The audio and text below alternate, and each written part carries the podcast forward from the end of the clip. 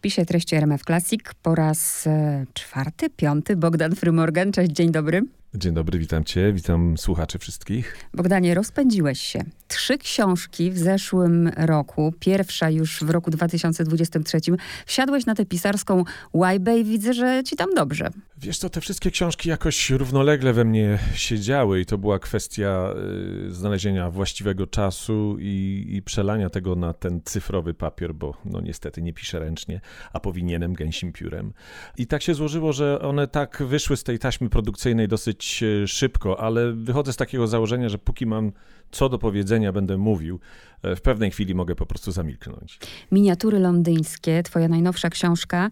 Nie wiem, czy, czy się ze mną zgodzisz, ale po jej przeczytaniu miałam wrażenie, że jakby ktoś nie przeczytał tamtych, to mógłby od niej zacząć, bo one się przenikają bardzo. Mm, wiesz, ja sam zauważyłem to ostatnio, lecąc na spotkanie autorskie w, do Warszawy, wziąłem ze sobą tą wcześniejszą książkę, Początek Wszystkiego i przeczytałem ją prawie w całości lecąc w samolocie. Bardzo lubię czytać w samolocie, to jest w ogóle jakaś taka niezwykła przestrzeń, bo czuję się wtedy jakby w takim trójkącie równobocznym między Londynem a, a, a Polską, między Wielką Brytanią a Polską. I faktycznie doszedłem do wniosku, że niektóre historie, które później rozwijam na przykład w miniaturach londyńskich, mają takie swoje zaznaczenie, taki mały pierwiastek, można powiedzieć, zarodek gdzieś tam we wcześniejszych książkach się e, pojawia i dopiero potem we właściwym czasie dochodzę do tego, jakby e, rozwijam fabułę, czy, czy rozszerzam kadr. Ale ta książka, ta ostatnia, o której rozmawiamy, miniatury e, londyńskie, można ją wziąć jako pierwszą moją książkę i myślę, że tam jest wszystko, że tak powiem, wyłożone od początku do końca. Nie trzeba wcześniejszych książek czytać, y, żeby sięgnąć po tą najnowszą. Zaskoczyłeś mnie tym, bo pamiętam przy naszej pierwszej rozmowie, mm, jak pytałam cię o żonę i ty wtedy powiedziałeś, bo byłam bardzo ciekawa, bo wiem, że była modelką i ty wtedy powiedziałeś, że nigdzie nie ma jej zdjęć e, i że to jest niemożliwe, żeby je znaleźć i nie dzieliłeś się tak bardzo prywatnością, a w tej książce no dzielisz się, powiedziałabym, bardzo. To wszystko zależy o której opowieści mówimy, dlatego że y, muszę na wstępie od razu powiedzieć, że jest to zbiór opowieści, które mogły się wydarzyć, ale niekoniecznie się wydarzyły. Te, które są napisane w pierwszej osobie liczby pojedynczej, to są opowieści prawdziwe. To jest zapis mojej pamięci jakiegoś ważnego wydarzenia, które wywarło na mnie bardzo duży, czy czasami na nas bardzo duży wpływ, bo wspomniałaś e, o mojej żonie. Owszem, ona się pojawia, przenika przez tą książkę, jest to najważniejsza poniekąd postać w moim życiu, więc dlaczegoż nie, ale nie wydaje mi się, żebym zdradzał aż tyle intymnych szczegółów. Ja za mało wiedziałam, chciałam wiedzieć cokolwiek i teraz wiem więcej, może tak. E, no, pewnie nawiązujesz do tej opowieści e, o wycieczce na Tamizie łodzią, do której na szczęście nigdy nie doszło, bo gdyby do niej doszło, nie rozmawialibyśmy teraz. Do tego zaraz dojdziemy też, ale bardzo mnie zaintrygował ten moment e, waszego poznania. Serio? Ona podeszła w futrze, a ty grałeś na gitarze? Nie grałem na gitarze, ale podeszła w futrze, tak. E, z długim włosiem, e, kozim futrze. Chyba wtedy przywożono takie futra z Turcji, jeśli dobrze, dobrze pamiętam. I tak, zapytała o Leonarda Coena, któremu poświęcam jedną ze swoich miniatur. E, I ten Cohen jest takim kapłanem, który nas zbliżył, a później scementował ten nasz związek. Nie wstydzę się tego. To dobrze, że tacy ludzie się zdarzają w życiu, którzy stają się takimi duchownymi e, w sensie świeckim bardzo, ale, ale bardzo ważnymi bardzo na mnie ta scena właśnie podziałała. Wiesz, tak widzę to, widzę to jak właśnie w tym kadrze. E, jeśli chodzi o Koena, to teraz jest moje pytanie takie, ono, ono nawiązuje tu właściwie do wielu opowieści i do tej, o której przed chwilą wspomniałeś, ponieważ w pewnym momencie swojego życia przestałam w ogóle wierzyć w coś takiego jak przypadek. Dla mnie tego nie ma. Wiem, że ludzie mają różne podejścia i kiedy e, czytam twoją książkę i zwracałam właśnie uwagę na to, jak ty wręcz mówisz, czy piszesz niby przypadek, przypadek, ale nie chce mi się w to wierzyć. Mam na myśli 21 września. Czy ty wierzysz w przypadki? Im jestem starszy, tym bardziej nie chce mi się wierzyć, że nasze życie jest takim długim ciągiem przypadkowych zdarzeń.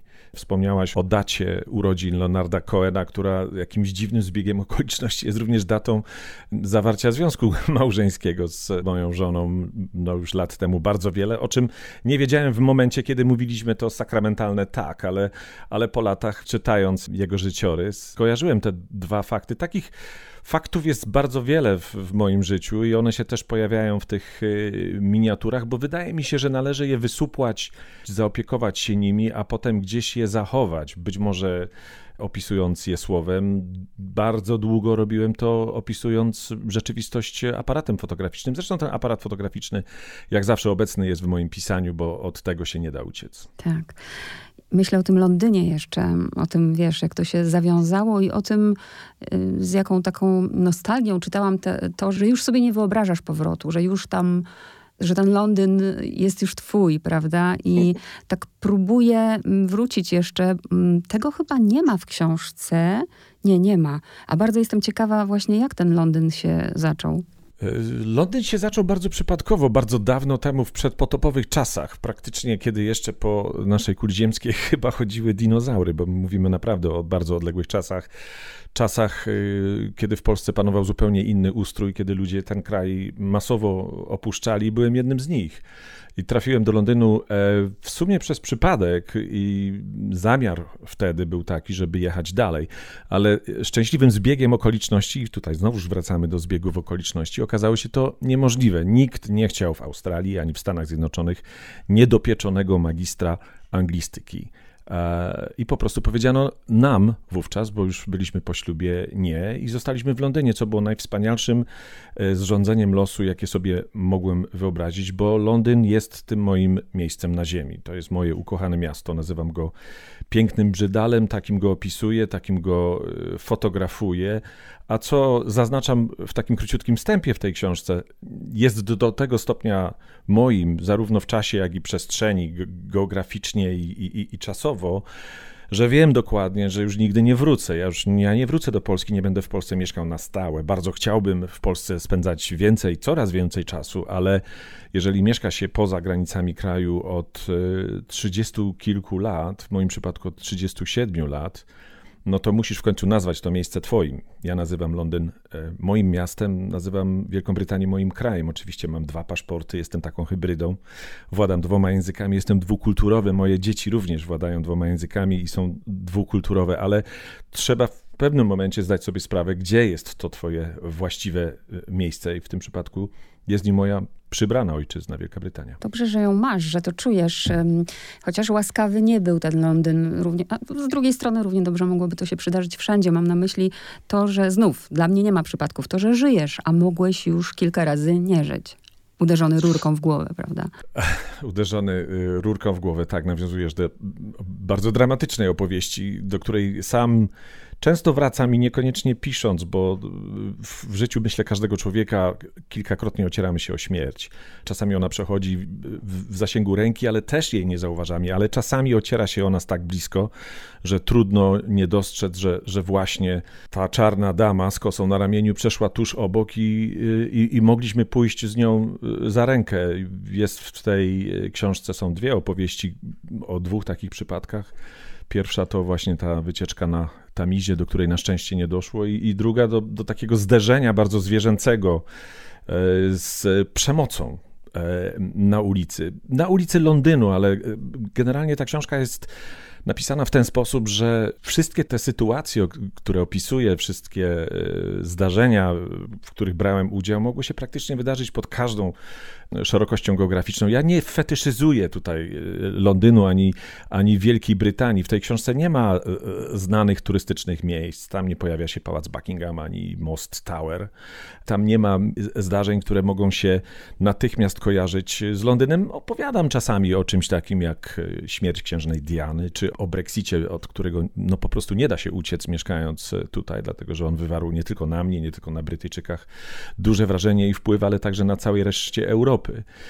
Mam nadzieję, że ta książka jest y, nieco szersza pod tym względem. To znaczy, pisząc o Londynie, staram się opisać jakby moją relację z rzeczywistością. To jest rzeczywistość londyńska, ale tak naprawdę to jest ta, ta ogólnoludzka, szersza.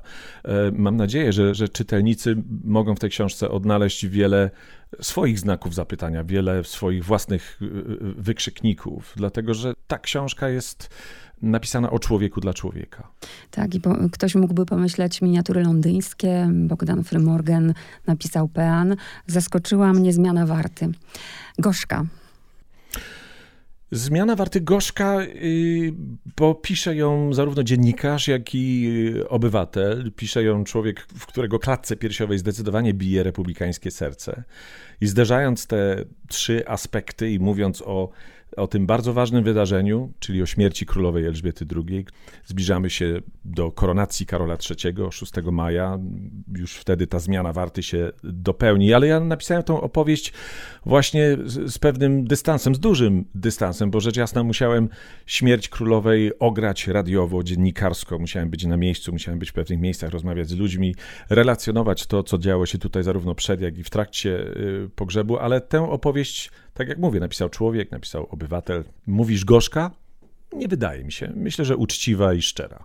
A z kolei dwa razy aż poruszasz e, śmierć prezydenta Gdańska i ta data 14 stycznia, którą pamiętamy. I tutaj właśnie m, mm, gdzieś czytając bardzo czułam emocje i to, że popatrz, jesteś tam, za wielką wodą, a bardzo ci leży na sercu to, co tu się dzieje i nawet w pewnym momencie miałam wrażenie, że taka, wiesz, masz taką odezwę, nie? Taką, że jak się, no ludzie, jeśli się nie obudzimy, to za chwilę Boże, aż wstyd nazwać e, opowieść o śmierci, a raczej o moim przeżywaniu śmierci prezydenta Gdańska, Adamowicza, miniaturą. Było to wydarzenie, które wstrząsnęło mną tak dogłębnie, mimo że mieszkam nad Tamizą i te półtora tysiąca kilometrów od, e, od Gdańska czy, czy Warszawy, że chwyciłem za pióro i, i przelałem te kilka myśli na papier. Mówisz o odezwie? Tak, to taki był troszeczkę krzyk desperata, który, który zwraca się do swoich e, rodaków, poniekąd do samego siebie i, i wzywa do tego, żeby coś z tym zrobić, żeby ze sobą coś zrobić, żeby jak się przeistoczyć, spojrzeć na, na siebie z,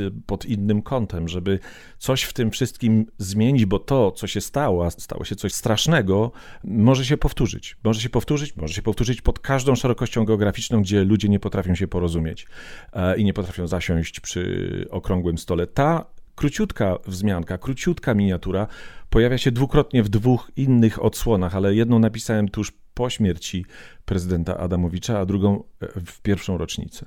Powiem ci, która miniatura wzruszyła mnie najbardziej i poruszyła, to jest mianowicie ta, w której mm, zatrzymujesz ręką samochody. Yy, opowiedzmy ją. Wiesz co, siedzę na, na, pierwszym piętrze swojego domu i patrzę na ten budynek. On jest przede mną w tym momencie, kiedy ja z tobą rozmawiam. E, musimy jakby rozrysować tą troszeczkę scenę szerzej dla naszych słuchaczy. To jest dom spokojnej starości, y, który jest po drugiej stronie mojej ulicy w Londynie.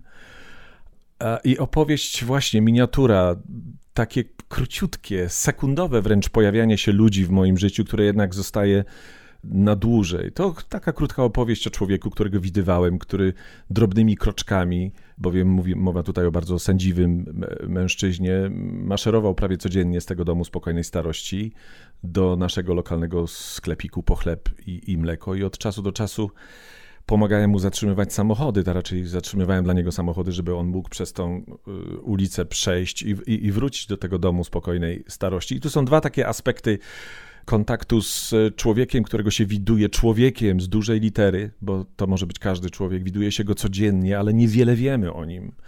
I dopiero później, kiedy przestaje się w naszym życiu pojawiać, w tym przypadku na mojej ulicy, przestaje się pojawiać, zastanawiamy się, kim jest a widujemy go prawie codziennie. I dopiero w momencie, kiedy czegoś nam zaczyna brakować, zaczynamy poszukiwać i badać istotę tej, tej próżni i pustki. I to jest taka właśnie opowieść nie tylko o tym, że zatrzymywałem dla kogoś samochody. To jest właśnie opowieść o, o tym, że coś jest, a później czegoś nie ma i nagle dociera to do nas i, i, próbujemy się jakoś oswoić z tą, z tą stratą, najpierw dotrzeć jakby do istoty tego, co się stało. Co się stało, że coś było, a, czegoś teraz nie ma. I bardzo często spóźniamy się, bardzo często jesteśmy takimi spóźnialskimi w tym życiowym pociągu i okazuje się, że że wiele rzeczy nam umknęło i gdybyśmy zareagowali wcześniej, to być może poznalibyśmy głębiej kogoś, mielibyśmy szerszą jakby gamę przyjaciół wokół siebie. Czasami zaprzepaszczamy takie sytuacje i to mnie dotknęło, pamiętam, w momencie, kiedy się faktycznie dowiedziałem, że tego człowieka już nie ma, do tego stopnia, że stał się kolejną miniaturą. Ale miałeś szczęście ogromne, że mogłeś się dowiedzieć, że odegrałeś w jego życiu bardzo ważną rolę, że mówił o tobie.